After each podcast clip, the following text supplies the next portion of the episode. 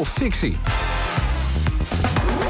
Ja, je kunt het er één keer in de vier jaar over hebben. Ja, inderdaad. Dan doen we het ook. Ja, want deze extra dag betekent natuurlijk ook dat we extra geld kwijt zijn. We moeten drie keer extra eten per dag, eh, extra reiskosten.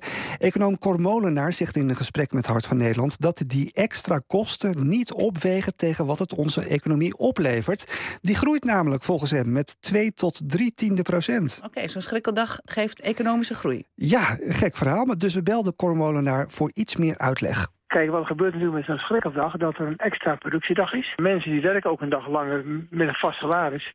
En je hebt toch minder kosten daardoor als eh, bedrijf zijnde. Ja, en dat leidt tot een, eh, een dag extra uh, opbrengst. En dat ook de boost die de economie toch ziet.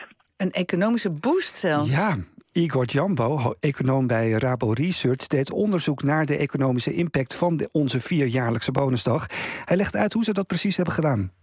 Ik heb onderzocht dat in het verleden de omvang van de economie was in schrikkeljaren ten opzichte van niet-schrikkeljaren. En uh, kwam zo tot de conclusie dat uh, de economie in een schrikkeljaar zo'n zeg maar 0,2 tot 0,3 procent groter was. Ja, dus simpel gezegd, één dag extra in het jaar maakt de economie grofweg 1 365 deel groter. Uh, omdat we een dag extra producten maken of, of diensten leveren.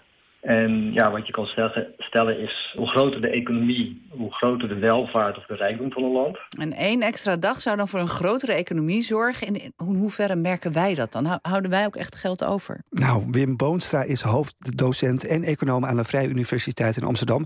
En hij spreekt zijn twijfels uit. Het zal me heel erg verrassen als, uh, als je dit in de economische groeistatistieken terug gaat vinden.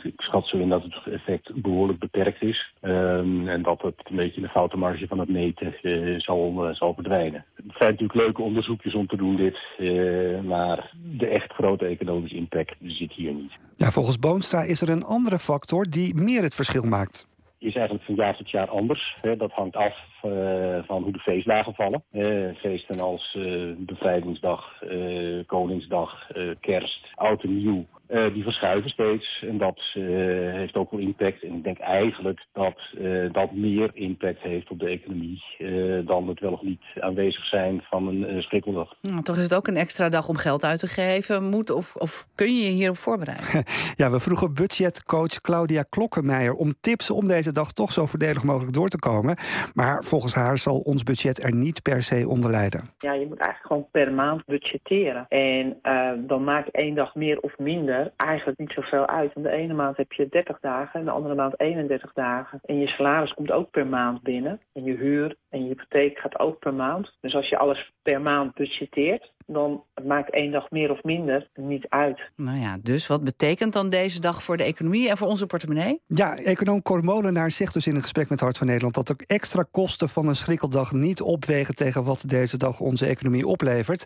Het gaat om tienden van een procent die een heel klein effect hebben. Als consument zul je het verschil dan ook niet merken.